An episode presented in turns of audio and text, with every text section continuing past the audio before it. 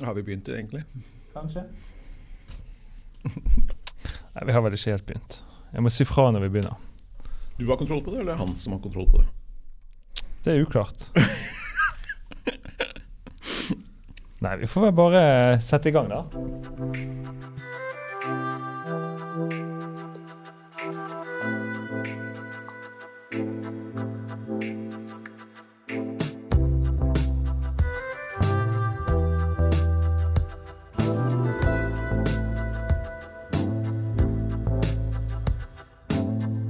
Leser Amtmannens støtt eller Stormfulle høyder og tenker at dette var gammelt og kjedelig og tamme saker, så er man dårligere stilt. Men jeg, jeg likte det alvoret som kom inn der, da. Nesbø har jeg aldri lest, riktignok, men um, Lene Andersson ble jeg nylig lurt til å lese.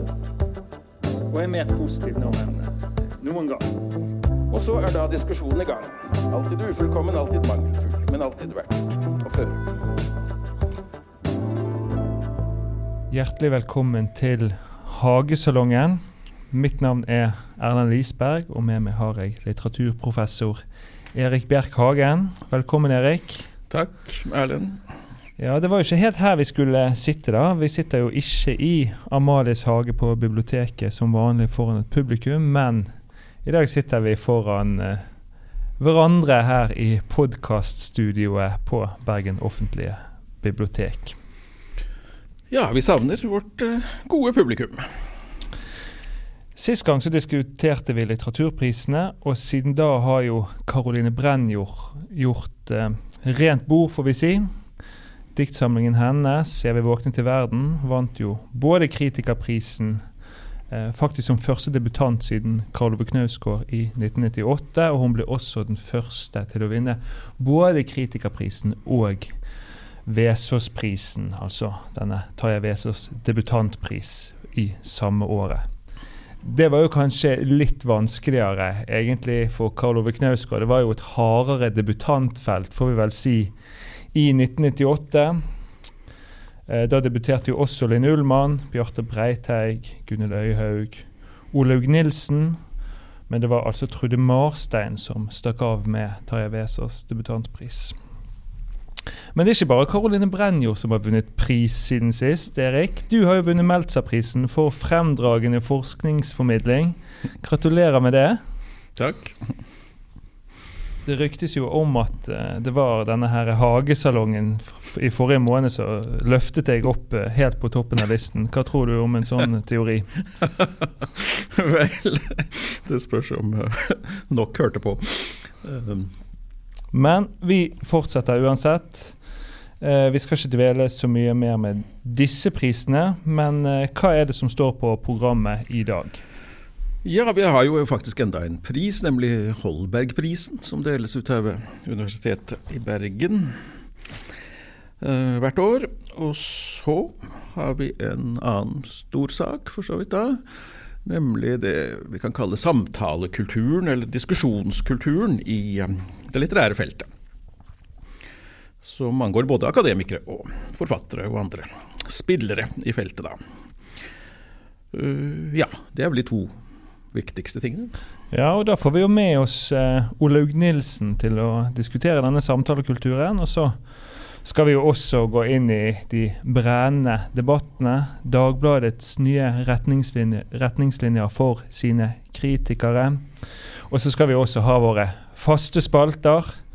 Og så ryktes det at du skal holde en liten minnestund. Helt til slutt? Ok. ja, men da får vi kanskje rett og slett gå rett til eh, Hagesalongens aller første spalte. Når vi åpner en ny bok, håper vi på et uh, mirakel. At vi virkelig skal like det vi leser. Månedens høydepunkt. Ja, i denne spalten Månedens høydepunkt så trekker vi jo frem noe vi har merket oss med i denne måneden som har gått. Og Det må vel ha med litteratur å gjøre, det har vi vel blitt enige om. Og siden du startet sist, Erik, så tenkte jeg å begynne i dag. Sist gang brukte vi jo ganske lang tid på disse høydepunktene, så jeg har valgt noe helt enkelt. Og det er rett og slett Månedsavisen Blad, eller BLA, eller Bokvenn litterær avis. Som kanskje har gått litt under radaren til litteraturinteresserte flest. I Bergen er jo f.eks. denne her Bokvenn litterær avis umulig å få tak i. Hvis man er heldig og kommer tidlig, så tror jeg boksalongen på Litteraturhuset får inn et par eksemplarer. Men hvis ikke, så må man oppsøke internett. I avisen så er, skriver jo både etablerte skribenter, men særlig da nye, unge, eh, spennende stemmer, som særlig skriver litteraturkritikken. da. I siste utgave skriver f.eks. Jan Erik Vold om poeten og jazzpianisten Claes Andersson, mens vår gode venn Frode Helming Pedersen, som også vant pris siden sist, Årets litteraturkritiker 2021 um, han skriver, har jo en sånn fast spalte gående som omhandler litteraturkritiske problemstillinger, eller metakritikk, eller hva man vil kalle det. Og Denne måneden handler det jo om et tema som er right up your alley, Erik. Litterær kvalitet. Hvordan kjenne den igjen? Så her må vi, vil jeg bare trekke frem da, disse redaktørene Even Teistung og Ulla Svalheim og Live Lund som også skriver i forskjellige publikasjoner for, eh, for eh, arbeidet da med blad. Og oppfordrer folk til å kjøpe den. Har du lest eh, bladet, Erik? Nei, faktisk ikke. Jeg, har aldri sett det. Men jeg har sett noen artikler på nettet da, som flasher forbi der. Så Frodes, f.eks. De ligger jo gjerne De kan leses på nettet. Ja, de ligger jo ofte åpent. Eh, hva er ditt høydepunkt denne måneden, da, Erik? Ja, det er uh, en norsk uh, klassiker. En roman fra 1877. Det er jo sånn vårt yrke er, da, at vi liksom stadig må lese klassikerne om igjen. Hedda Gabler måtte jeg lese en søndag nylig. Det var ikke akkurat, ikke akkurat en byrde. Og like før det måtte jeg lese um, Rang, nei, Magnhild av, av Bjørnson fra 1877. Ikke så kjent roman, men, men, eh, svært anbefalesverdig. Og helt kort så handler den om den unge Magnhild som overlever et ras som tar livet av resten av ikke bare familien, men resten av slekten, faktisk. Så hun, må, hun vokser da opp hos den lokale prestefamilien. Fordi hun har overlevd, så, så, så, tenker folk at hun må være bestemt for noe stort, da, og det, den ideen får hun også selv. Uh, og etter hvert så lures hun på et vis da inn i et ekteskap med den mye eldre salmakeren Skali, som er vennlig og sivilisert og underholdende og morsom, men som har en slags uh, dyrisk nattside også, da. Uh, og hun er egentlig da så ubekvem i denne prestefamilien, og hun er såpass traumatisert etter dette raset at hun også da ikke klarer å stå imot, eller ikke klarer å artikulere noen motstand eller protest mot dette ekteskapet som hun, som hun bare glir inn i på et eller annet vis. da. Og Boken handler da om hvordan hun frigjøres igjen fra denne bestemmelsesideen som hun også har fått på hjernen, og fra dette ekteskapet. Frigjøres ved hjelp av gode venner. Og hun frigjøres også da fra denne, denne tausheten, dette traumet på et vis, da, slik at hun lærer å å tale ut, komme til orde og, og, bli en mer selvstendig person. Så den, Denne boken var jo, var jo kontroversiell i og med at den handlet om eh, ekteskapet på en veldig anti-idyllisk måte. To år før et dukkehjem, og mer anti-idyllisk enn en, en den gamle amtmannens døtre. Da. Som, så, så, den var eh, Ja, absolutt. Den, den ble mye diskutert i sin tid, og den er fortsatt meget lesverdig. Men, men, er det en roman for litteraturforskeren, eller er det en bok som har eh, du kan anbefale til en alminnelig leser? Absolutt den, til den alminnelige leseren. 100 sider, de, de beste Bjørnson-romanene. Kanskje er han aller best eh, som, som romanforfatter. De, de, er jo de, de korte. Bondefortellingene, 'Fiskerjenten', Magnhild. Mm. Men det er jo noe med dette her Altså bondefortellinger, Fiskerjenten, Magnhild. Bjørnson har liksom noe å gå på når det, gjelder, når det kommer til titler. da. Arne, støv, en hanske. Han eh, Der har han noe å lære av eh, eh sine samtidige, har ikke han Vel, en, en, en hanske det er vel en ganske god tittel. Og en glad gutt, det er vel en, en tittel som alle kjenner. Eh, det flagger i byen og på havnen, en annen eh, morsom sak. Eh, men jeg, ofte er det litt sånn tunge kvinnenavn. Da, som Magnhild, Gunnlaug, Tora. Mens, mens Ibsen kanskje er noe lettere. lettere. Nora, Edda. Det er litt sånn mer moderne, som slår i dag. Mens det virker noe tungt noe gammeldags over disse, disse Bjørnson-navnene. Det er mulig. Ja, Vi får se om de kommer på moten igjen. Kanskje hvis jeg får en datter hun skulle hete Magnhild. Ja, eller Gunnlaug. Gunnlaug også, ja. Det er også fint. Vi må komme oss videre i programmet. Vi fortsetter der vi slapp forrige episode, med enda mer prissnakk. Men dette får vel være den siste prisen vi snakker om på en god stund.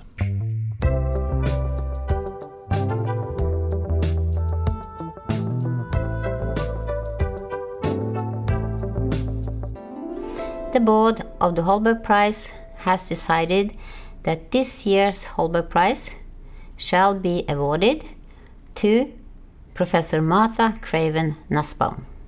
Ja, der hørte vi altså vår eh, kollega på franskfaget, Kjersti Fløttum, og styreleder i Holbergprisen, annonsere at Holbergprisen i 2021 ble tildelt filosofen Martha Nussbaum. Og vi må vel si litt om eh, Nussbaum. Hun er jo en amerikansk filosof da, som har skrevet om utrolig mye forskjellige greier. Etikk, politisk filosofi, litteratur, feminisme, dyrs rettigheter, Donald Trump, aldring, opera. Og hun omtales jo ofte da som følelsenes filosof. Det er jo ganske flott. Men det er jo da ettersom hun har lagt vekt på da, følelsenes rolle Eh, for hvordan vi handler og hvordan vi dømmer andres handlinger, bl.a. i rettsapparatet. Hvor viktig er følelsene i strafferetten. Sitt akademiske gjennombrudd fikk hun jo da i 1990 med bøkene 'The Fragility of Goodness' og 'Love's Knowledge', der hun bl.a. undersøkte hvordan filosofi og skjønnlitteratur sammen kan kaste lys over grunnleggende aspekter ved det gode liv eller altså målet for Aristoteles eh, etikk.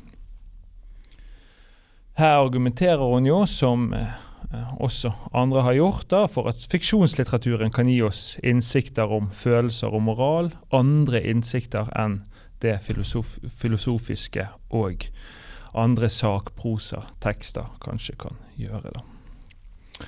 Men hun har jo i senere verker egentlig konsentrert seg kanskje mindre om litteratur, men mer om politikk og rettsfilosofi og sosial ulikhet og religion osv. Men det er jo ikke lett å oppsummere et sånt forfatterskap som Nussbaum sitt. Altså, for det første fordi at hun beveger seg så mye fra tema til tema, men kanskje først og fremst fordi at hun er er ekstremt produktiv. Sant? Hun har altså skrevet over 25 monografier, og i tillegg over 500 akademiske artikler, i tillegg til at hun eh, deltar i et utall offentlige debatter og stiller opp i podkaster og underviser en hel del.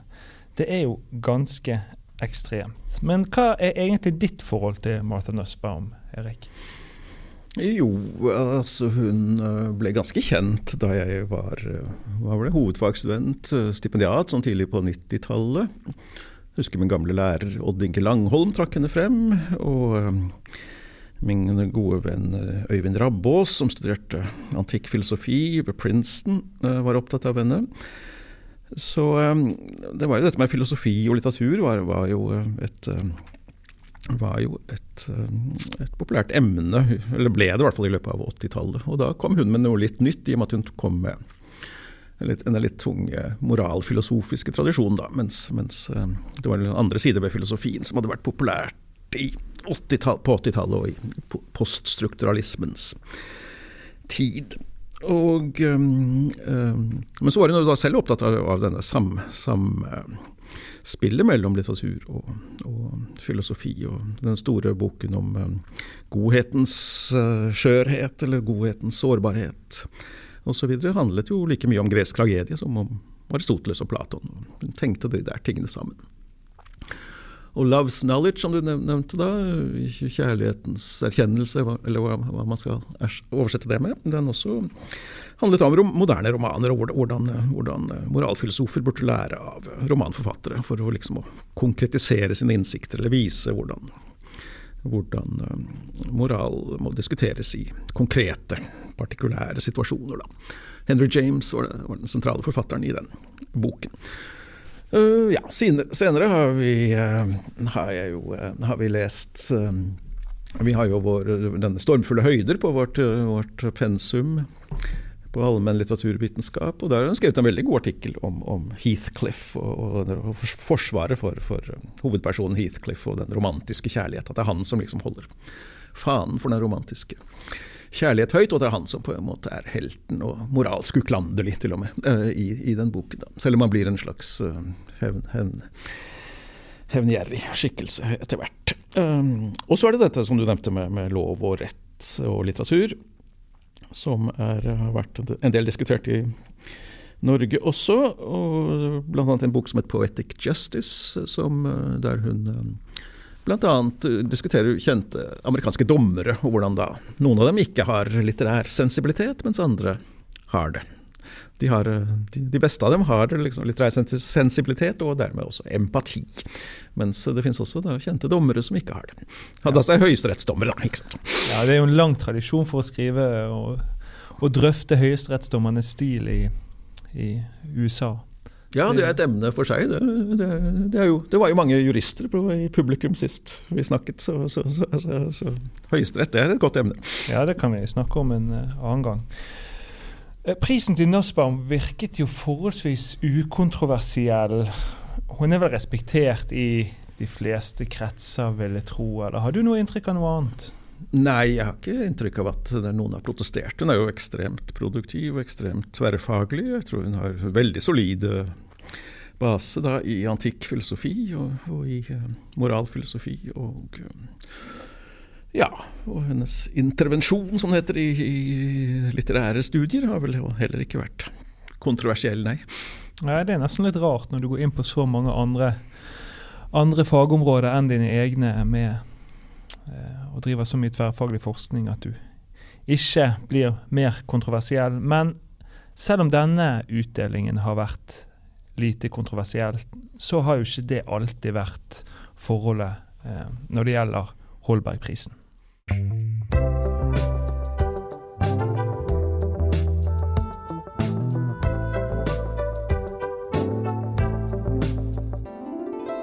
Når vi skal snakke om Holbergprisen mer generelt, så må vi jo egentlig tilbake til 21. mai 2003. For like før Festspillene åpner senere på kvelden, så står altså Kjell Magne Bondevik, daværende statsminister, i universitetets representasjonsvilla, Knut Fægris hus, der vi begge har vært flere ganger, og proklamerer sitt nære forhold til Erasmus Montanus fra Holberg-komedien med hans navn. Og Anledningen er jo da selvfølgelig annonseringen da, at de nå skal opprette en ny prestisjefull pris for samfunnsfag og humaniora som skal deles ut for første gang året etter.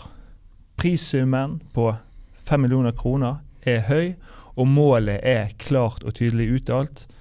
Prisen skal få internasjonalt renommé på linje med selveste Nobelprisen.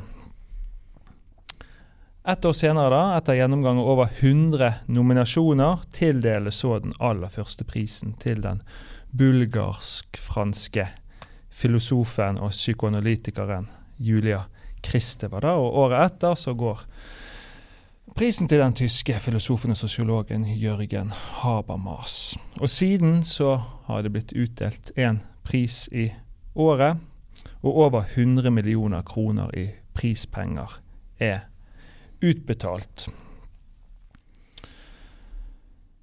Men det er vel ikke alle som mener at disse millionene har vært like godt anvendt, Erik. Prisen har jo vært ganske kontroversiell, har den ikke det? Å jo, det var den jo fra første stund. da. Kristeva var jo tilhørte jo det som ofte kalles French theory. Og poststrukturalisme, og det var Hun var vel da, i kraft av det, kontroversiell innad i humaniora, men, men, men også kontroversiell utenfor humaniora. Så hun ble jo da raskt angrepet i Bergens Tidende.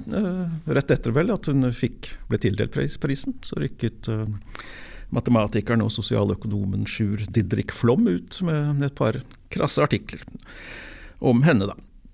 Delvis også fordi hun, hun, i likhet med en del andre franske intellektuelle i den tradisjonen, refererte ganske fritt til naturvitenskap og matematikk og slike ting. altså Delvis som metaforer, kanskje, men også delvis som en show-off, eller, eller så muligens da som en del av argumentasjonen. Men, men disse referansene til matematikk f.eks. imponerte da ikke matematikeren Sjur Didrik Flom.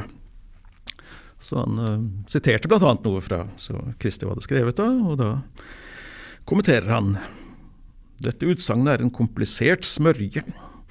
Jeg er glad i poesi, logikk, kombinatorikk og algebra, men jeg skjønner absolutt ingenting av denne lærde passasjen.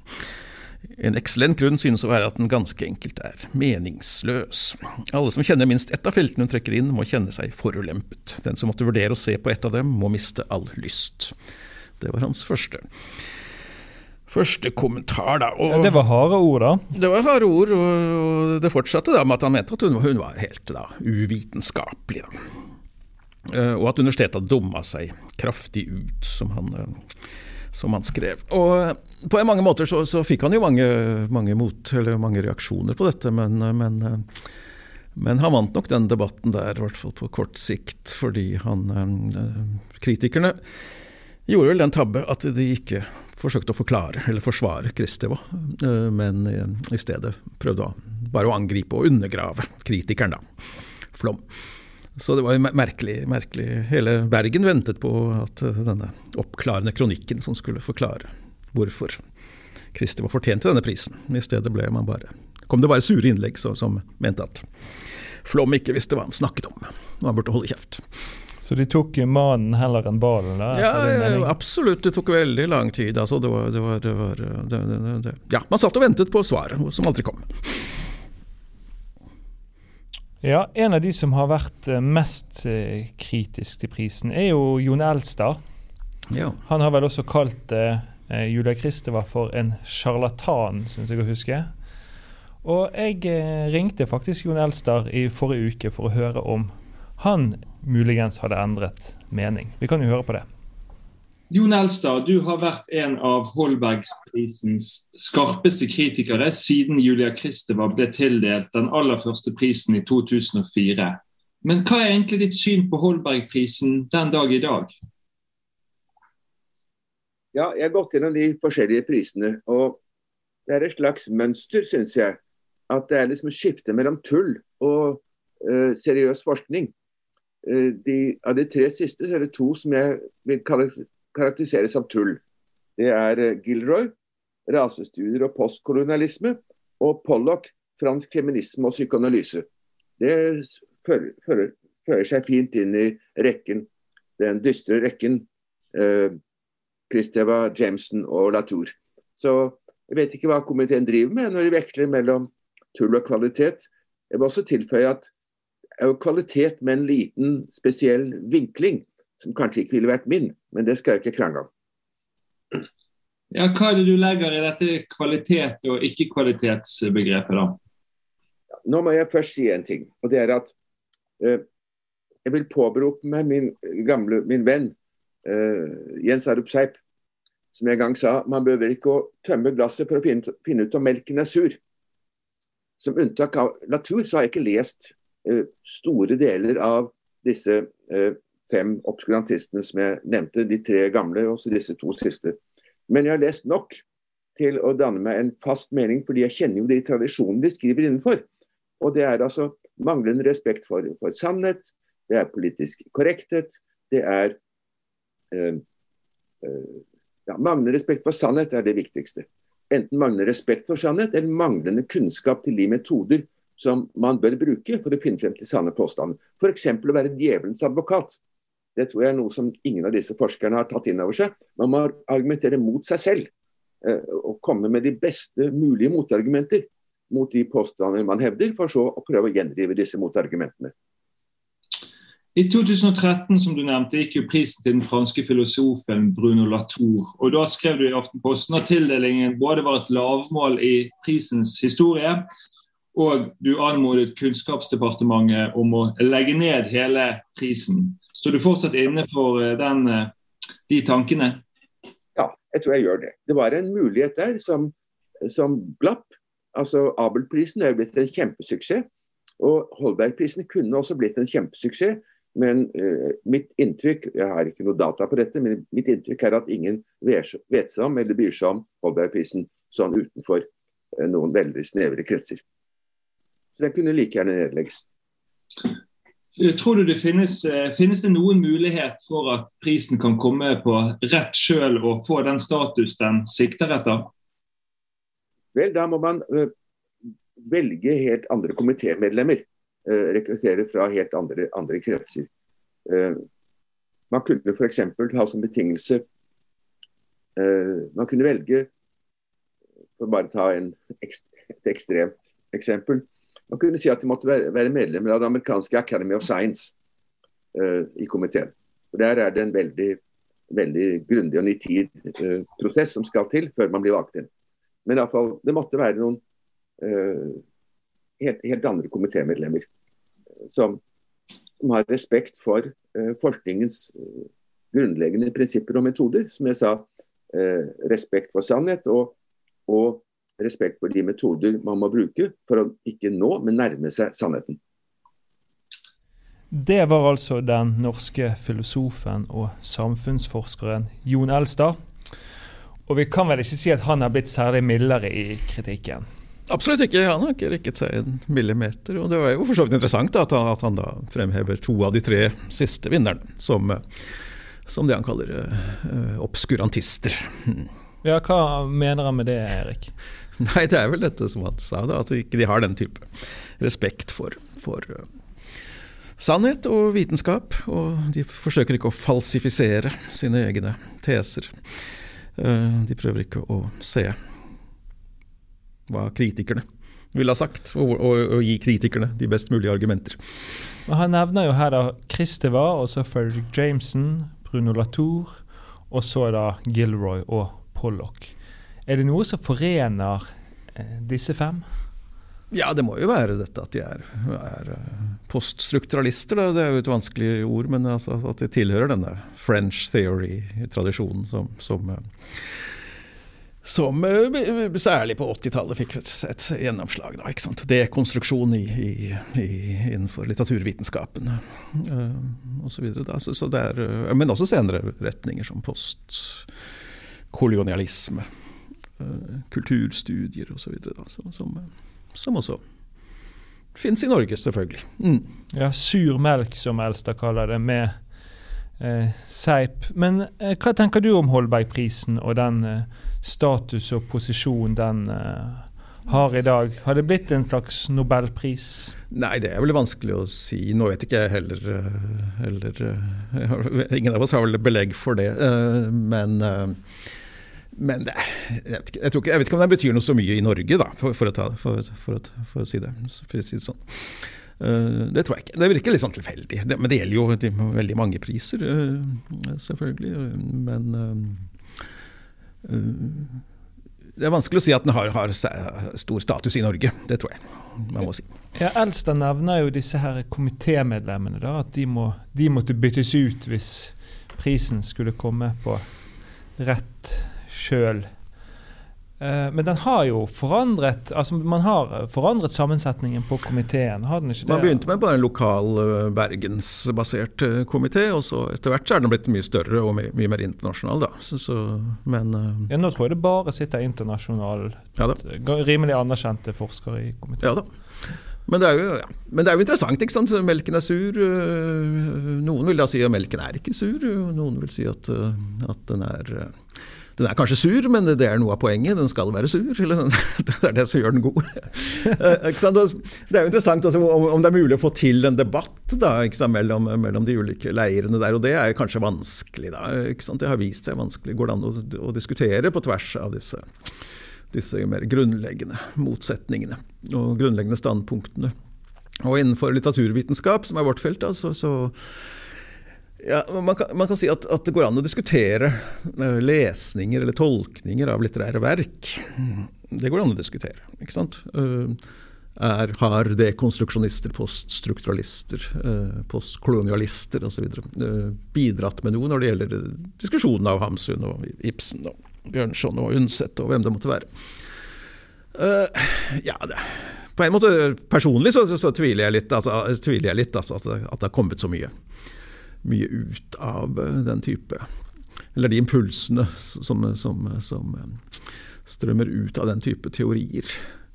Um, men andre vil sikkert være uenig i det også. Da. Og, og, og ha noen sånn, sånn, generell diskusjon om teori og metode, det tror jeg aldri, egentlig aldri har, har, har lykkes altså, innenfor litteraturvitenskapen. Så, så, Nei, men det er interessant. Og man må jo ha det likevel. Og man kan vel si at uh, man har jo hatt en del innsikter fra poststrukturalismen og dekonstruksjonen da, om språkets flertydighet og ustabilitet og sånne ting som jeg tror iallfall min generasjon uh, litteraturforskere, selv om de ikke driver og dekonstruerer eh, verk i dag på samme måte, så har man liksom med de innsiktene som en slags base for hvordan man, man opererer da, på en annen måte enn man, man kanskje hadde for, eh, på tidlig 1900-tall. Ja da, man ser kanskje etter andre ting, men, men om det så å si virkelig har hatt en impact i det, i det, store bildet og i det lange løp, det er um, mer diskutabelt. Altså. Men det er verdt å diskutere. Men det er vanskelig å få til da, den type diskusjoner når man mener så forskjellige ting, grunnleggende sett, om teori, vitenskap. Metode, ikke sant. Det var jo det eh, Flom etterlyste eh, når det gjaldt Kristeva i 2004. Hans definisjon da av vitenskap det var velformulert fremstilling, klar analyse, skarp fokusering, ryddig argumentasjon, saklig kunnskap, nærgående kritikk. Um, ja, så, så, er det mulig å få til en debatt på de, på, på de premissene. Det, jeg tror det gjenstår å se, rett og slett, innenfor vårt fagfelt. Da. Uh, uh, absolutt. Ja, uh, uansett om man er enig eller uenig med Flom og Elster, så må jeg iallfall si at uh, jeg syns det er litt gøy med den typen uh, debatter. Jeg, altså. Og liksom friskheten i Elsters uh, utsagn her og sånn. Det er for lite av det i akademia i dag. Ja, og det er interessant at han, at han står, fast, står, fast, på sitt, og at han da mener at to av tre av de siste ikke holder mål. Ja. Det er jo en utfordring. En hanske. Der kommer vi tilbake til Bjørnson igjen, ja. Nei, vi får kanskje rykke ut med noe videre Erik, og skape litt debatt i tiden som kommer. Men det får være nok om Holbergprisen. Nå skal vi over til noe helt annet.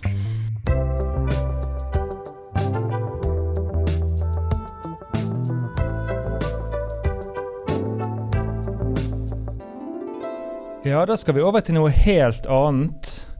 For du har jo foreslått, Erik, at vi skal diskutere samtalekulturen i det litterære feltet. Eller noe sånt. Altså hvordan forfattere og kritikere og akademikere snakker sammen, og ikke minst om hva de snakker om. Men dette tror jeg du rett og slett må forklare litt nærmere for oss. Ja, det sprang egentlig ut av denne, denne lesningen av Magnhild igjen, eh, Bjørnsons Magnhild, og den, de diskusjonene som oppsto i forlengelsen av det, eller av den, nemlig mellom Arne Garborg og Bjørnson. De kranglet i Dagbladet. Og Brandus og, og Georg Brandus og Bjørnson de kranglet i brevsform. Og da slo det meg liksom det er ulike sånn samtalekultur, diskusjonskultur, ulike stilarter for, for, eh, for, den type litterær diskusjon. Da. Den diskusjonen man fører i det litterære feltet. Så jeg bare har noen små eksempler. da, Begynner med, begynner med Garborg og Bjørnson. Ikke for å gå inn på Magnhild-romanen igjen, men, men, men, men, mer for å se på liksom, tonen og stilen i, i eh, det de sier. Ja, nei, men Da får vel du bare kjøre på med de eksemplene, du, da. Ja, det, det Garborg og Bjørnson kranglet om, ble for så vidt interessant. Det handlet om om Bjørnson selv mente alt som ble sagt. Eller Bjørnson mente at det var personene som sto ansvarlig, eh, litterære personene som sto ansvarlig for, for, for beskrivelser av bønder f.eks. i boken, mens Garborg mente at det var, dette er Bjørnsons nye syn på bøndene. Han mente at de var mye mer negativt tegnet enn tidligere osv. Og, så det handlet om litterær sånn perspektivisme, og det handlet om, om synet på bonden. Og Bjørnson uh, likte ikke denne anmeldelsen, da, der, der Garborg påpekte disse tingene. Og da innledet han sin, sitt svar i Dagbladet slik Jeg har lenge sett at herr Garborg ingen estetiker er, og at det er i hans natur og begavelse savnes de avgjørende betingelser for noensinne at blive det. Jeg finner det riktig med det samme at sige dette. Det er også alle maktpåliggende at denne begavde manns tankeevne ikke hefter seg bort. Så han hadde ingen ja, Han løftet seg opp og sa at nei, Garborg han mangler evner til å, til å være kritiker og estetiker. Dette er relativt tidlig da i Garborgs karriere, så, så det var ikke helt uh, feil på det tidspunktet iallfall. Uh, i, I hvert fall ikke vurdert ut fra, ut fra denne anmeldelsen av Magnhild. Men Garborg han er minst like stort, allerede minst like stort ego som Bjørnson, så han svarer da sitat, De har lenge været vann til ett av to, enten hymner og røkelse eller fanatisk forfølgelse. Derved har de vendt dem til at henføre all kritikk til en av disse to kategorier. Nå er min anmeldelse ikke i hymnestilen, følgelig finner de at måtte henføre den under kategorien forfølgelse. Uh, ja, Bjørnson uh, han var øh, fortsatt like uenig med Garborg, men han syntes allikevel tonen hadde endret seg litt. da, Slik at han var halvfornøyd da han endelig, da, det siste sitatet herfra, svarer Så vidt det kan enes med den slags tjusket, overlegne tone som herr Garborg har lagt seg til, og som han finner så passende like overfor meg, er det noe tilløp til godslighet i denne hans artikkel, motsatt den forrige, som ikke har forfeilet sin virkning på meg. Så han, han, lar seg, han smelter uh, delvis da, av, av, noe av tonefallet, men selv om han syns det er sjuskete, og at, Garborg ikke er noen estetiker og osv. Uansett, de hadde mye glede av hverandre i årene som kom, og de, hadde, de irriterte hverandre mye også. Men, men sånn gikk i hvert fall denne debatten. Og jeg tror Bjørnson hadde mest rett da, når det gjaldt uh, synet på Magnhild, faktisk. Forfatteren hadde mer rett enn sin kritiker den gangen. Ja, Men mener ikke du alltid det sånn når det gjelder Bjørnson? Nei, nei da. Han, han, han var jo veldig uvøren debattant, og av og til så havnet han helt på jordet. Men ikke i dette tilfellet. Men den er kjent faktisk denne debatten for å være en, en som nettopp diskuterer dette med litterært perspektiv, og det å fortelle gjennom blikket til, til de litterære personene. da. Men du har flere eksempler? Ja, to små til. da. Ja, ok. Kort, kortere. Ja, vi får la det stå Bare for å ha et bakteppe. Uh, det neste er fra denne store mm, debatten om litteraturforskningens prinsipper i 1929 mellom Francis Bull og Peter Rokseth. Og, og den definerte var var veldig De snakker ikke så mye med og til hverandre nødvendigvis, men den, den var i hvert fall god nok til at den definerte på et vis debatten. Den litteraturteoretiske debatt da i 30 år fremover i, den, i Norge. Så Sånn sett var det jo en meget uh, god debatt. Uh, og um, Bull han, uh, han, snakket løst og åpent om sin, sin mer kontekstuelle metode, da, hvor hvor verkene nettopp skulle diskuteres i lys av, av uh, historien og biografien og alt mulig annet som kunne belyse den. Mens uh, Roxette var mye mer tilknappet, fokusert på selve skjønnheten i de isolerte verkene. Det som var deres essens, det som strømmet opp av opphavsmannens innerste liv, hans litterære jeg, hans dypeste personlighet, som han kalte det. Betegnelser da som den lune empiriker Bull hadde de største problemer med å, å ta alvorlig, eller å, i det hele tatt å forstå. Så det, det er et, uh, dette er jo Roxets doktordisputas, og, og, Bull er, er ganske krass i sin kritikk i og for seg, men han slutter da på denne måten. Men alle innvendinger til tross er jeg ikke i tvil om at doktorandens bok er usedvanlig og og et betydelig arbeid. Han har vist seg som en selvstendig tenker, der er ånd og varme og originalitet i boken. Det har vært meg en fest å gå til turnering med ham, og jeg senker min korde til hilsen og lykkeønsking. Så der var det denne, denne ja, det er sivilisert uenighet, som også da var så vellykket at, at disse to innleggene definerte betingelsene for litterær debatt i 30 år fremover. I akademia, iallfall. Og også utenfor. Ja, Nå er jeg spent, for nå har du nevnt dine to helter da, både, som gode eksempler. Både Bjørnson og Bull. Ja. Og hva blir da det tredje eksempelet? Ja, det var en debatt om, um, om Kjartan Fløgstads gjennombruddsroman 'Dalen Portland' i 1977. Den ble anmeldt av professor, litteraturprofessor Atle Kittang, som mente at uh, boken uh, kanskje var god, men at den hadde slags, et slags umulig sprik mellom det han kaller et realistisk nivå, sosialrealistisk nivå, og et, et, mer surrealistisk, modernistisk nivå. At disse delene av boken ikke hang godt sammen, og, og kanskje ikke hang sammen i det hele tatt. Uh, ja, etter mitt syn da, en, en velbegrunnet, meget velbegrunnet kritikk, faktisk. jeg var ofte og er ofte enig med, med Kitt, uh, uenig med Kittang, men, men, i dette tilfellet så er jeg helt, jeg er helt enig med ham. Ja, Nå lurte jeg på om du hadde snudd plutselig når du proklamerte enighet. Ja, men Fløgstad han ville ikke ha noe kritikk, det var tydelig, for han svarte slik. På denne måten blir Atle Kittangs omtale av Dalen Portland et skoleeksempel på den typen akademisk litteraturkritikk som for det første utelukker det som gjerne kan være det sentrale ved verket. Ord som humor, overskudd, skriveglede mangler helt hos Kittang. Og for det andre slutter fra et innviklet analyseapparat via dårlige metaforer til allmenne og banale synspunkt som helt mangler metodisk tilknytning til de objektive premissene, som munner ut i en moralsk appell og mer optimisme. Dette er et magert resultat av mye lærdom og til dels presise detaljobservasjoner, og viser uventet tydelige motsetninger mellom forskerens objektive registrering og hans hemningsløst subjektive verdiutsagn. Så der var det altså fullt frontalangrep og ikke det minste interesse øh, når det, når det, for, for diskusjon, da. Saklig diskusjon. Så spørsmålet er jo også selvfølgelig da om om, eh, om hvor, hvor, hvor, saklig vil man ha litteraturdebatter? Debatter i det litterære feltet. Man skal kanskje ikke være for, for, for saklig.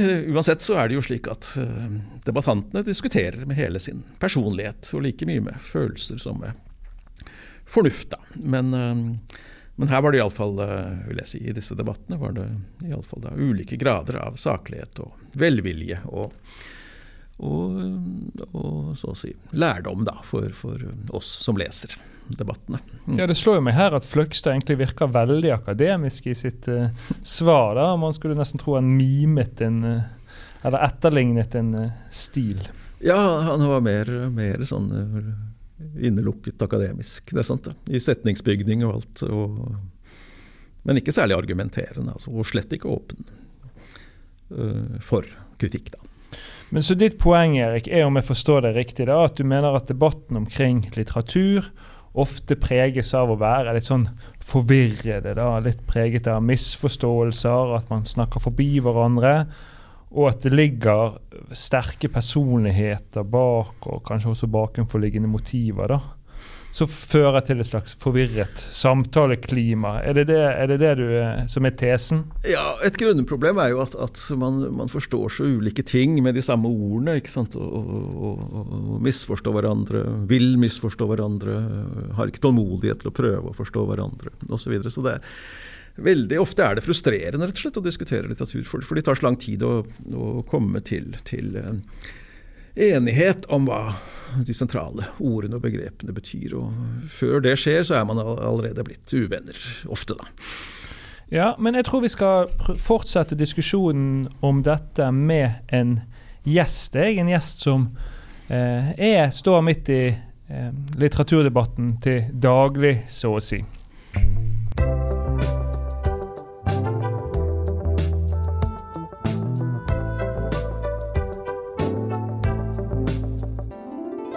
For med oss til å diskutere dagens samtale omkring litteratur, har vi fått med oss en forfatter som ikke bare deltar i offentligheter med meninger om bibelfortellinger, likestilling, trakassering, Grand Prix-vinner Tix osv.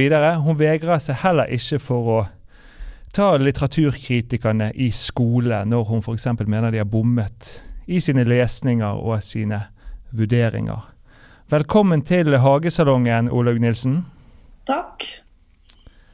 Eh, hvis du skjønte Erik sitt poeng her, da, kjenner du deg igjen av eh, hans beskrivelse av debatt- og samtaleklimaet på det litterære feltet?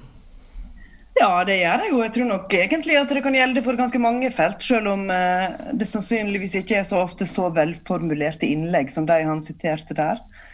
Um, absolutt. Og det der med å uh, ha vilje til å forstå hverandre og til å pakke ut hva motparten faktisk prøver å si, det henger vel uh, Det henger jo ikke bare sammen med hva en har tid til, selvfølgelig, men det handler selvfølgelig òg om posisjoner og ja, og personlighet. Det tror jeg er helt riktig.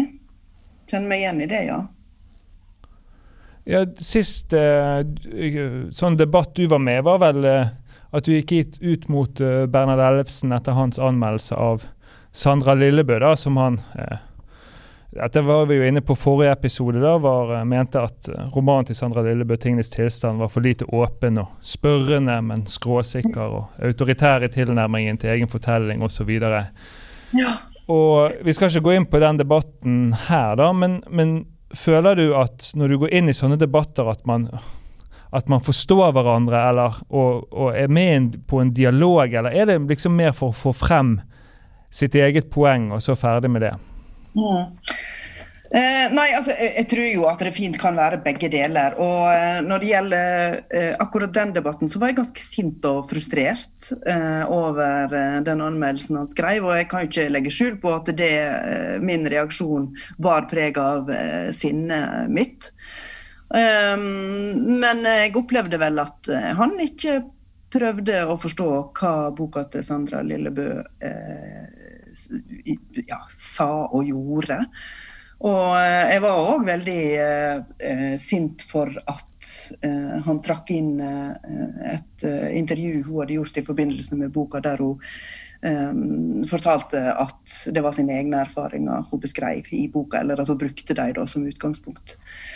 Så Eh, så jeg var jo i utgangspunktet altså, Jeg var ikke så interessert i egentlig å uh, være mild og forståelsesfull overfor Bernhard Ellefsen i det tilfellet der. Det kan jeg glatt innrømme.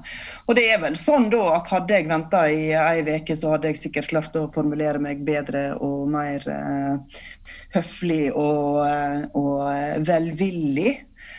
Men uh, der og da så uh, vil jeg heller uh, angripe enn å, enn å gå i dialog, da, og være hyggelig. Ja, Men var det vellykket dette angrepet, eller kom det noe ut av det? Eller, eller skapte det bare mer frustrasjon? Nei, det var jo ikke vellykka. Det var jo Eller vellykka, det var jo vellykka i den forstand at, at jeg fikk min mening på trykk. Eh, at eh, mitt svar til hans anmeldelse kom, ble tilgjengelig i offentligheten. Um, men, men, om det førte til noe godt for noen av oss, eller en utvida forståelse for noen av oss, det har jeg vel større, større tvil om. Men, men, han svarte jo tilbake igjen på det jeg hadde skrevet. og det var nå kanskje like lukka som, som min kommentar til han hadde vært. Så ehm, ja. Jeg tror at eh, det at det er så emosjonelt for mange når det gjelder eh, egne bøker og, eh, og, og andres bøker òg, for så vidt, som en identifiserer seg med eller holder høyt, så kan det jo Så forsvinner jo sakligheten litt inn i emosjonene tenker jeg. Ja, og, og, og, man får et emosjonelt forhold til sine egne litteraturkritiske tekster også, slik at kritikerne blir like, like hårsåre eller identifiserer seg like intenst med hva de har skrevet, og vil helst slippe å si at jeg tok halvveis feil og hadde halvveis rett. Som man skulle tro ja. at, at, at man, man, kunne si oftere, da, men, men, men det, er, det er sjelden. Det er vanskelig å få til. Mm.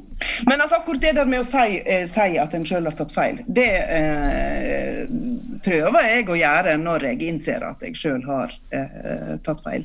Og selv om det er tungt og vondt og, og vanskelig å gjøre det, så, så, kjenner jeg at det er ja, det er utvidende for min egen del og eh, lettere å komme seg videre på den måten. Eh, når jeg først erkjenner det, da. Mm. Men tror dere det er noe mer som kjennetegner disse litterære debattene? Noe med, med det stilistiske, tenker jeg. At man skal liksom heve seg til et Å ha et visst litterært nivå i teksten, som også kan gå på bekostning av saklighet. Hva tror du om det, Erik? Nei, jeg vet ikke. Det, det er alltid en fristelse å være for det er jo mange, man, man kan bli for servil som kritiker, ikke sant. Lett. og Det er jo ikke noe gøy for noen. Men man kan også bli bli for overlegen. Det ligger jo liksom litt i sjangeren det at, at man, man, hever seg over og skal liksom se litt olympisk på de litterære tekstene. Så det er flere farer der. Det, det, idealet er jo nettopp det dialogiske, da. Men, men, det gjelder bare å finne den balansen. Mm. Um, altså jeg er ofte enig med Ellefsen, da, men, men, akkurat i dette tilfellet så skjønte jeg heller ikke heller helt hva han mente om, om at, at, det var feil å si at dette sprang ut av av uh, personlige erfaringer. Det, det syns jeg er jo noe av poenget med den boken. og at det bare mm. styrker den mer enn svekker den. Men det snakket vi om sist. Ja, vi må ikke gå inn på det en gang til. Nei. Men kan jeg òg svare på det? Med, ja, med forskjønnelse, eh, altså ornamentering av en uh, tekst? For det var det, du, var det du spurte om, ikke sant? Altså om, om eh, retor, ja, det retoriske nivået kan stå i veien for sakligheten? Ja, det var det jeg tenkte. Ja, eh, altså hvis det blir mer en sånn slags eh, oppvisning i retoriske ferdigheter enn egentlig substans, så selvfølgelig.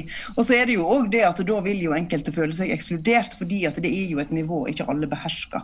Og en kan godt være en god skjønnlitterær forfatter uten å beherske den typen eh, diskusjon om litteratur, da, og om litteratursyn, litteraturkritikk osv. Eh, og det er jo ikke eh, det er jo ikke sånn at alle forfattere ønsker å svare på kritikk i det hele tatt. Og mange eh, ser jo det som helt uaktuelt eller uhørt på et vis. da.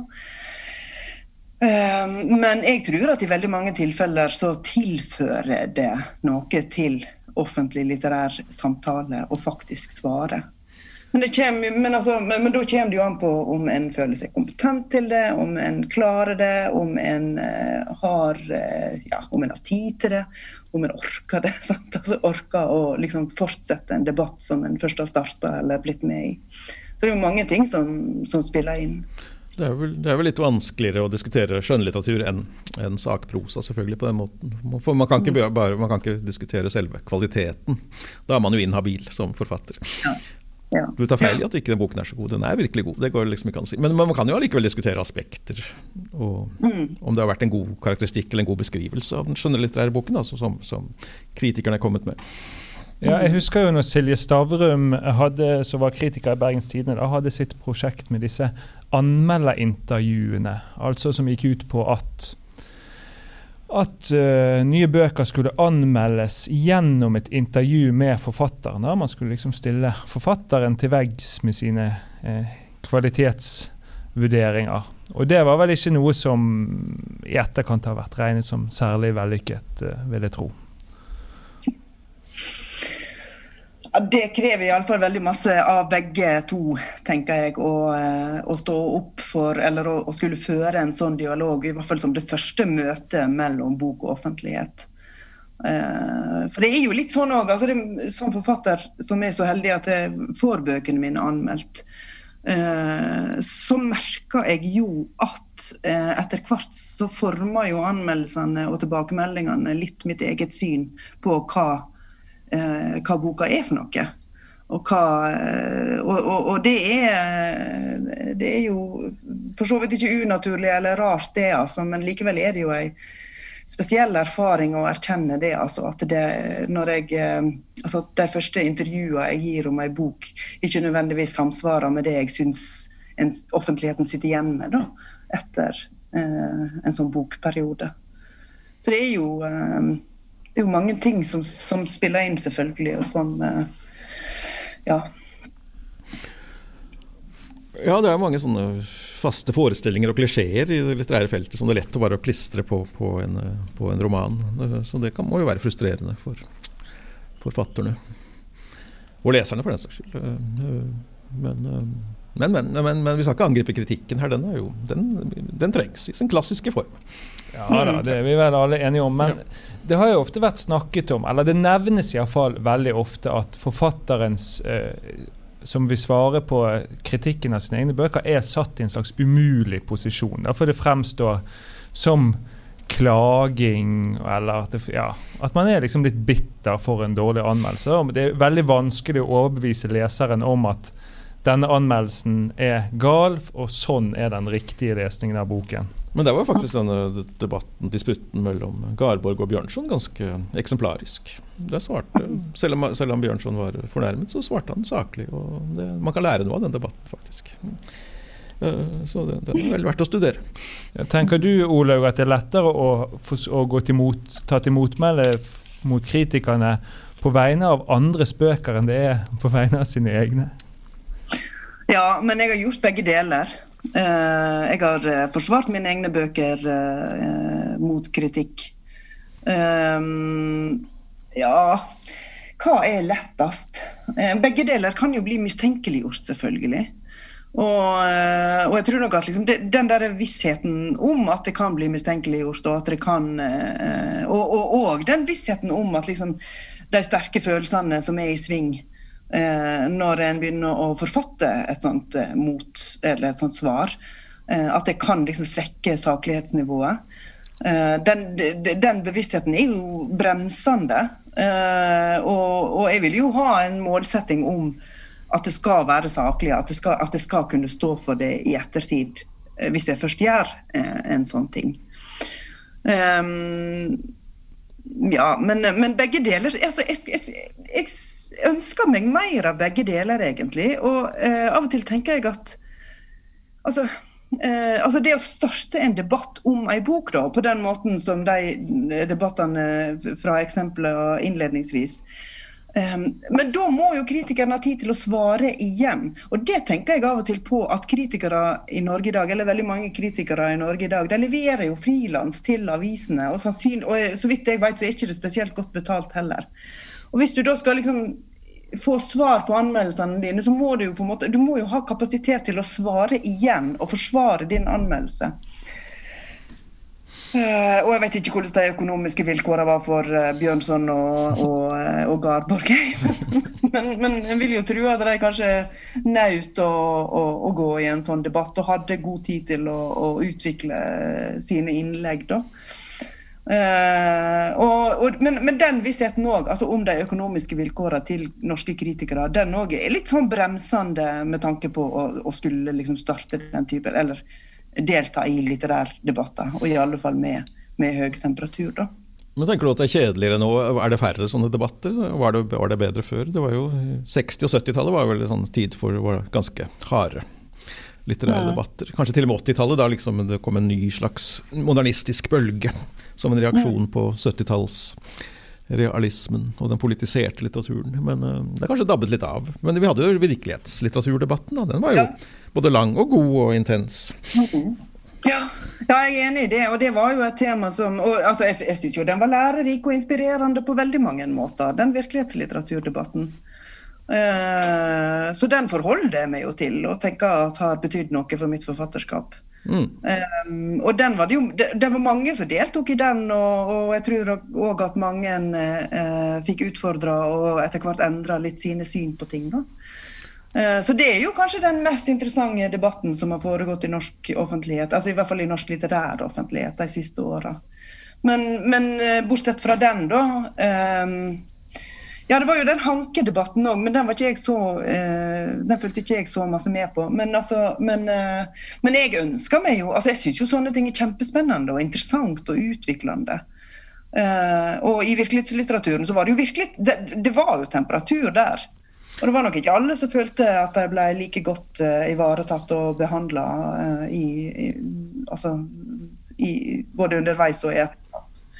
Men, eh, men, alt i alt så har det jo vært eh, ja, en opplysende, og, eh, en opplysende debatt som har hatt betydning. helt mm. klart. Ja, men jeg ønsker meg jo mer. Men ja, jeg ønsker meg mer. Og hatt stor betydning for litteraturen også, vil jeg tro. da. Både Sandra Lillebøs roman som vi snakket om nå, og Vigdis Hjorth sin roman, og veldig mange andre som som skriver virkelighetslitteratur, eller såkalt virkelighetslitteratur, som det ofte omtales som, har jo tatt inn denne debatten på en eller annen måte i eh, romanene sine. Og det er interessant at folk, det virker som folk eh, endret synspunkter og standpunkter. Altså Forlagsfolk var jo for, for, for eksempel veldig arrogante i begynnelsen og tenkte at jeg skjønner dere ikke hva en roman er. Ikke sant? Og de uttaler seg litt eh, annerledes nå, er mitt inntrykk. Ja, jeg er enig. Og jeg er helt enig, for det har skjedd noe. Det har skjedd en, eh, det har skjedd en eh, forskyvning, og det er kjempeinteressant. Og det påvirker jo litteraturen eh, ja, i stor grad. Det gjør jo det. Men kan det være at den, de motsvarene til kritikerne og den litteraturdebatten har kanskje flyttet seg til en viss grad også? For eh, ja, nå var det vel du ramset vel opp både i brevsform og, eh, og i, Jeg vet ikke hvor offentlig disse her eksemplene dine var alle, Erik. men eh, men at det har flyttet, debatten har flyttet seg litt til Facebook. Jeg gjør for det når jeg anmelder en roman, særlig hvis jeg gjør det litt eh, negativt, men ja, egentlig også hvis jeg gjør det litt positivt, så er jeg livredd for at jeg skal bli tagget på Facebook i et sånt innlegg med enten har vært ris eller ros. Eh, og liksom eh, Nesten at det fordrer et svar av meg. Da. Jeg prøver jo å unngå det, og så kommer det liksom under masse sånne kommentarer. sånn, ja, han, 'Denne anmelderen har ikke skjønt noen ting som helst.' da. Både familie og venner og, og helt andre. da. Men det, det er aldri en slags reell debatt, eller veldig sjeldent iallfall.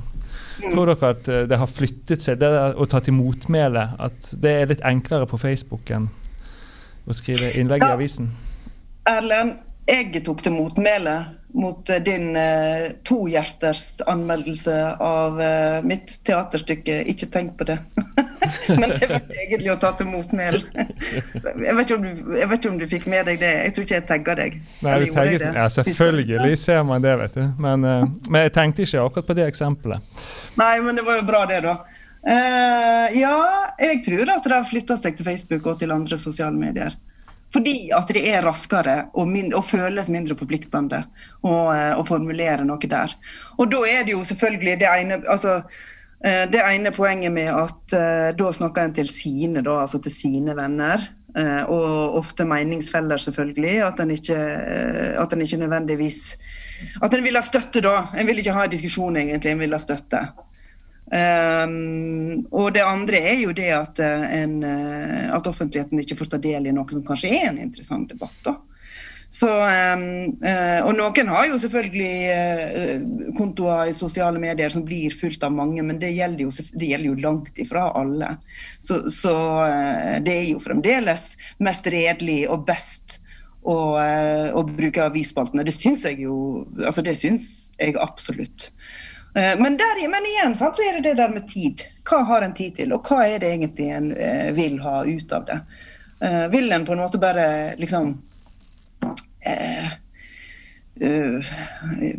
liksom heve seg over en, en negativ kritikk med å i hvert fall ha sagt noe, så er det jo klart at det er lettest å ty til sosiale medier. Men hvis du faktisk virkelig vil diskutere det som blir sagt der? Altså hvis du vil diskutere uh, prinsipp, skrivemåter, litterære altså eh, trender og, og, og, ja, og mer, så, så er det jo eh, best å ty til eh, redigerte, offentlige redigerte medier.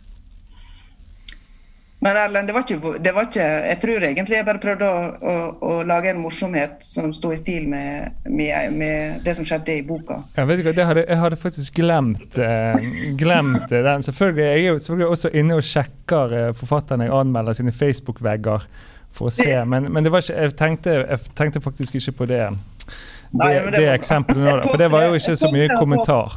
Terningkast to av Erlend Lisberg i DT. Det gikk bra. Men det er mange gode debatter på Facebook, faktisk. Jeg øh, kom innom en i går øh, mellom øh, Kjetil Rollnes og Jostein Gripsrud, f.eks. Altså medieprofessor og, og riksprovokatør Rollnes. Men det var en ypperlig, ypperlig debatt om Foucault. Saklig, og de beveget seg.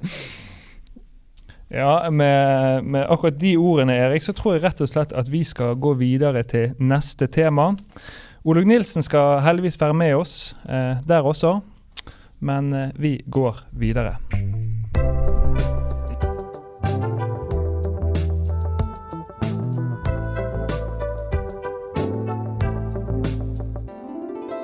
Vi kan jo ikke bare snakke om akademiske priser og Bjørnson og Jonas Lie osv. Vi må jo gå inn i noen litt mer aktuelle debatter. Og hva er det som har foregått i litteraturspaltene siste måneden? Vel, det er kanskje ikke så mye. Vi har jo sett at det har vært debatt om eh, hvem som kan eller bør oversette Amanda Gorman, den unge poeten vi vil huske fra Biden-innsettelsen på Capitol Hill.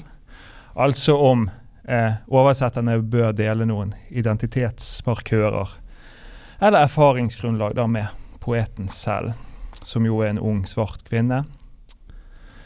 Og så har vi jo denne her Klassekampen-notisen som skapte litt furore da, om at Geir Gulliksens siste roman ble kalt pornoroman i en anmeldelse i Danske Informasjonen. Men det som vel har vært mest diskutert, har jo vært Dagbladets nye retningslinjer for kritikerne sine. Altså at Dagbladet har bestemt, eh, motsatt av det som er vanlig, da, at avisen nå skal at, altså Det vanlige er jo at avisen bestiller tekster fra sine anmeldere, men heretter skal anmelderne pitche ideer til anmeldelser. Det skal være snakk om da bøker som er interessante for Dagbladet, og det er oppsummert på denne måten. Oppsiktsvekkende gode, oppsiktsvekkende dårlige, eller handle om noe oppsiktsvekkende.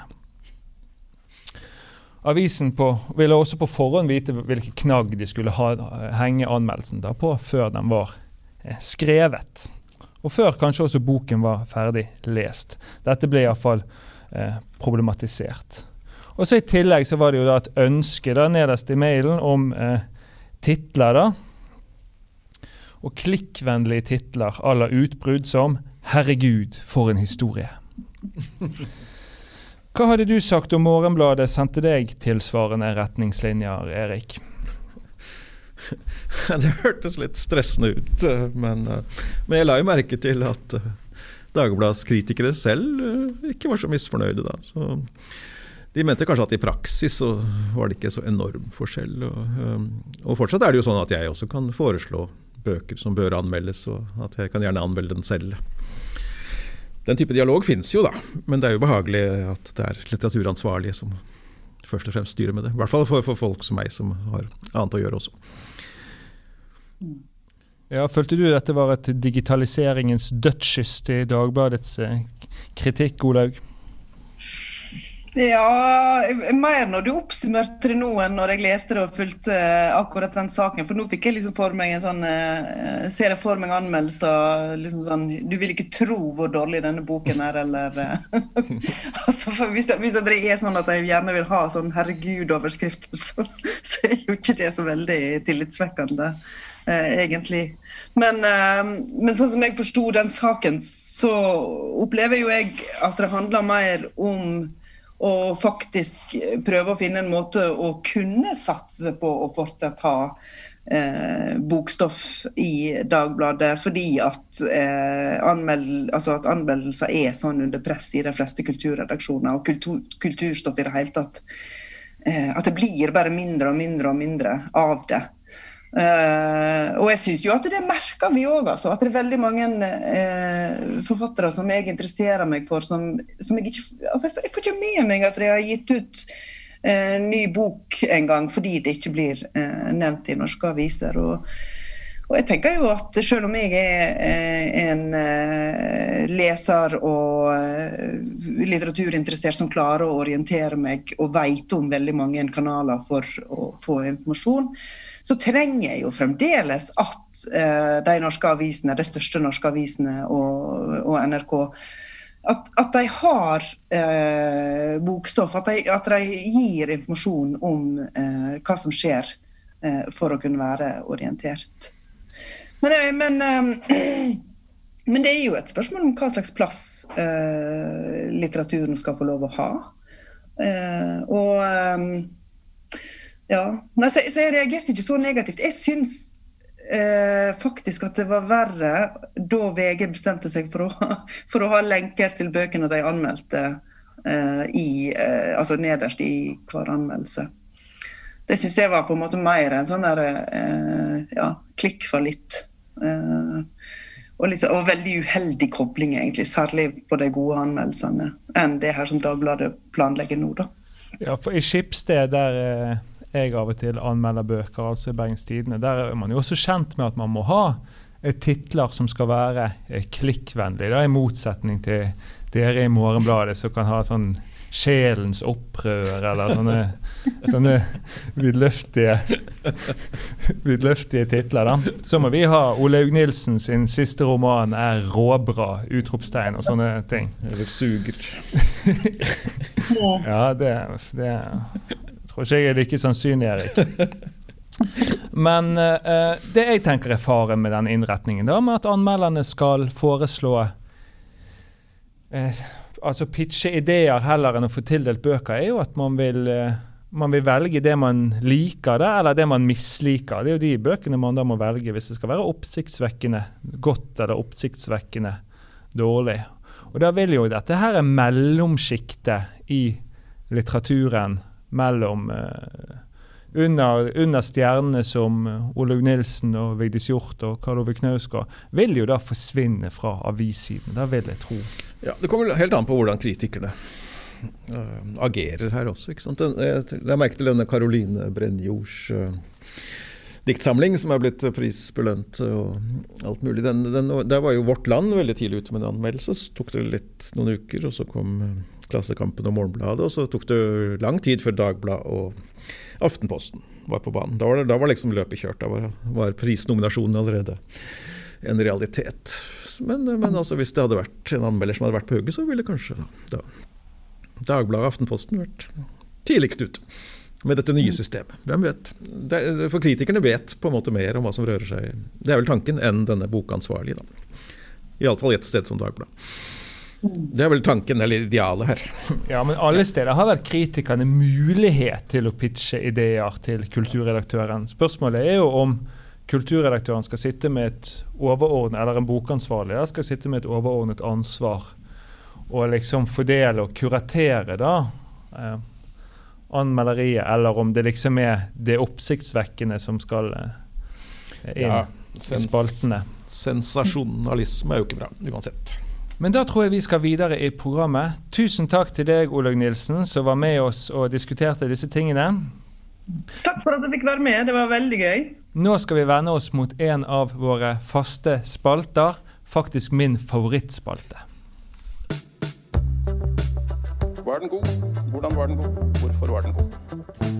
Hvor mange fullkomne Ibsen-skuespill finnes det? Ikke så mange. Det, det, det, det var flott. Det var flott. Men jeg, jeg, jeg Ibsen som forfatter hadde i det hele tatt sine begrensninger. For ikke å snakke om Hamsun og Undset. Bjerk Hagens fem. Ja, da har vi altså kommet til det egentlige månedens høydepunkt, Erik. Som er da din spalte, hvor du kårer en topp fem. Og hvilken liste er det vi skal få høre denne gang? Jo, det er jo litt inspirert av eh, Eller ligger i forlengelsen av dette med Martha Nussbaum, da.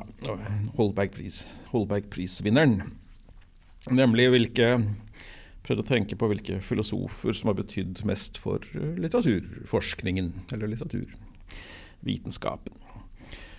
Det blir lett, selvfølgelig lettere subjektivt, uh, subjektiv liste, men, uh, men, dette er altså det filosofene litteraturmennesker bør lese, først og fremst, etter mitt syn. På femteplass, uh, der har vi Platon. Han er jo kjent for å ha avvist diktningen på mange måter. Utvist den fra sin idealstat diktningen det var liksom, den, hadde, hadde ikke, den skapte ikke innsikt. Forfatterne var bare upålitelige medier. Inspirasjonen blåste gjennom dem, så å si. Eh, og diktningen var bare en kopi av, av sanseverdenen. Den, den, den, førte ikke til, til sann kunnskap. Da. Eh, og den, den, gjorde at, også at eh, vi som lesere eller tilskuere bare levde oss inn i ofte moralsk svært tvilsomme personer osv. Alt var galt med diktningen på et eller annet vis. Så det, så det dytter han ut av pallen og helt ja, ned på femteplass? Det, det, er derfor han får femteplass. Men, men, men, hans kritikk er jo såpass, den generelle kritikk av kunst og litteratur og sånt, da, den, den, er jo, den, er jo, såpass har overlevd gjennom århundrene. Noe vi må ta hensyn til. Men femteplass. Fjerdeplass, uh, der har vi den amerikanske filosofen William James. Uh, delvis fordi han var bror av Henry James og skrev omtrent like godt som, denne broren, som skrev romaner. Da. Delvis fordi han, eh, han står bak, eller iallfall populariserte dette begrepet 'stream of consciousness', så, så, som eh, gled inn i kulturen og i romanformen tidlig i det 20. århundre. Uh, ja. Stream of consciousness, hva er det for noe? Nei, at, at det, det, er jo eh, Ulysses av James Joyce er jo den som er mest kjent for at, at, at romanforfattere bare gjengir bevissthetsstrømmer. Altså slik, slik, slik de, de, strømmer gjennom hodet. Bevisstheten til, til, til, skikkelsene. Slik at det blir et, et kaotisk, en kaotisk strøm av tanker og fornemmelser og følelser.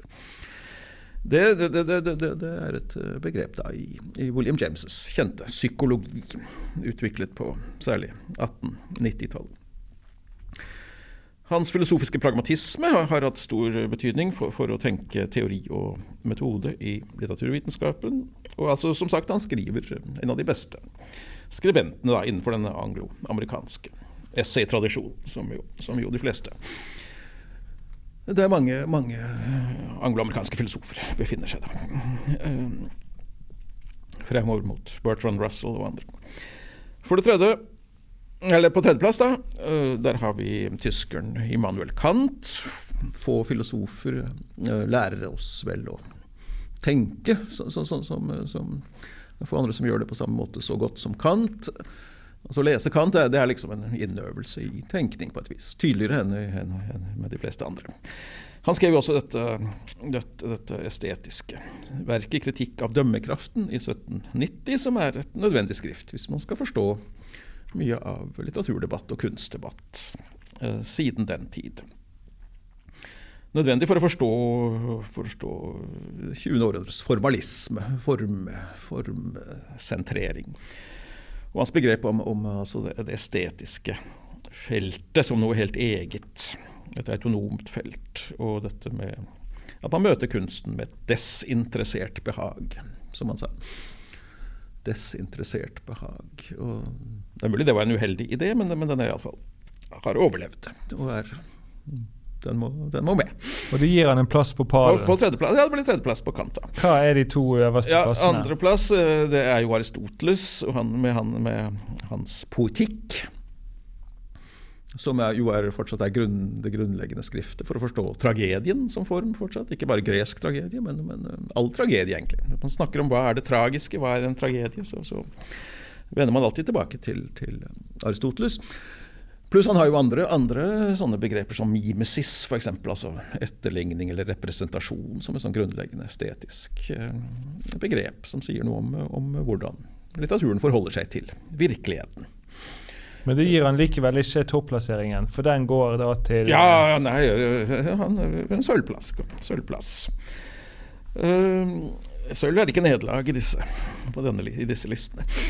Og førsteplass, det, det er det er uh, skotten David Hume. Og da særlig pga. ett skrift, nemlig hans uh, an, The Standard of Taste, smaksstandarden, som er det grunnleggende skriftet fortsatt, hvis man skal begynne å diskutere litterær kvalitet, eller kunstnerisk kvalitet. Hva er en smaksstandard? Alle studenter som skal begynne å diskutere kvalitet litterær kvalitet eller andre typer kvalitet, må lese of the standard of taste. Og, um, og um, ikke så lett å finne ut av det, sier det, det, må, det må leses gang på gang. Og, uh, men, men, det setter problemene på en, um, på en veldig tydelig måte. Da, som, som, gjør at uh, For meg er det på et vis det filosofiske skriftet som aller mest er i hjertet av litteraturvitenskapen. Da. Ja, så subjektiviteten eh, trer inn eh, der for ditt vedkommende. da. Hume foran Aristoteles. Ja, og Kant. ja, ja. Men nå snakker vi jo litteratur ut fra sett med et litteraturvitenskapelig blikk. Og Nussbaum hun, er, hun kommer da ikke på listen i denne omgang, da, men hun, hun må være fornøyd med en Holberg-pris i første omgang. Ja, det er jo noen flere du har utelatt eh, som eh, vel kunne Mange andre ville satt på listen. Sikkert mange. F.eks. Nietzsche. Men ifølge filosofen Eh, Helge Høybråten, eh, det har jeg lest på Facebook for øvrig, så, så, så har han sagt at eh, Holbergprisen gis jo til Nietzsche annethvert år. Så, så, han, så Nietzsche var også fornøyd seg med Holberg, da. Han har fått sitt. Det er også en analytiske filosof, engelske analytiske filosofen Paul Grice som i sin tid ble spurt om han av og til leste romaner. Og da sa han ja da, jeg leser alle seks uh, hvert år. Og med det mente han altså Jane Austens uh, seks romaner. Så akkurat det utsagnet der kvalifiserer jo nesten til en plass på, på listen, da. Men det, nå har vi det lystig, men nå skal vi jo over til det aller siste avsnittet. Og da skal vi over i det dystre.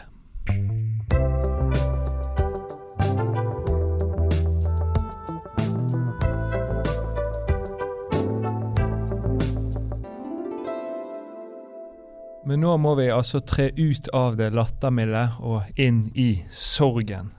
For du har fortalt meg at du skal holde en slags eh, minnestund? Ja, det var, det var jo denne ja, Sorg og sorg. Altså, det var denne amerikanske San Francisco-baserte eh, poeten Lawrence Ferlinghetti, som jo gikk ut av tiden omtrent da vi hadde vår forrige hagesalong. Og han ble 101 år gammel. Det var litt av en type. Og med, og med visst, en viss uh, forbindelse til Norge. Eller flere faktisk for ulike forbindelser til, til, Norge. Så vi kan avslutte da med noen ord om ham. For det første var han jo en, en, en krigshelt, en krigsaktør av de, av de sjeldne. Han var eh, med på D-dagen. Han var i Nagasaki rett etter at eh, bomben falt, en av de første som, som Og da ble han visst, eh, eh, umiddelbart pasifist, har han selv sagt. Han var også kaptein på en av tre ubåtjagere, små krigsskip, som USA ga til Norge og Shetlands Larsen og hans gjeng i 1943.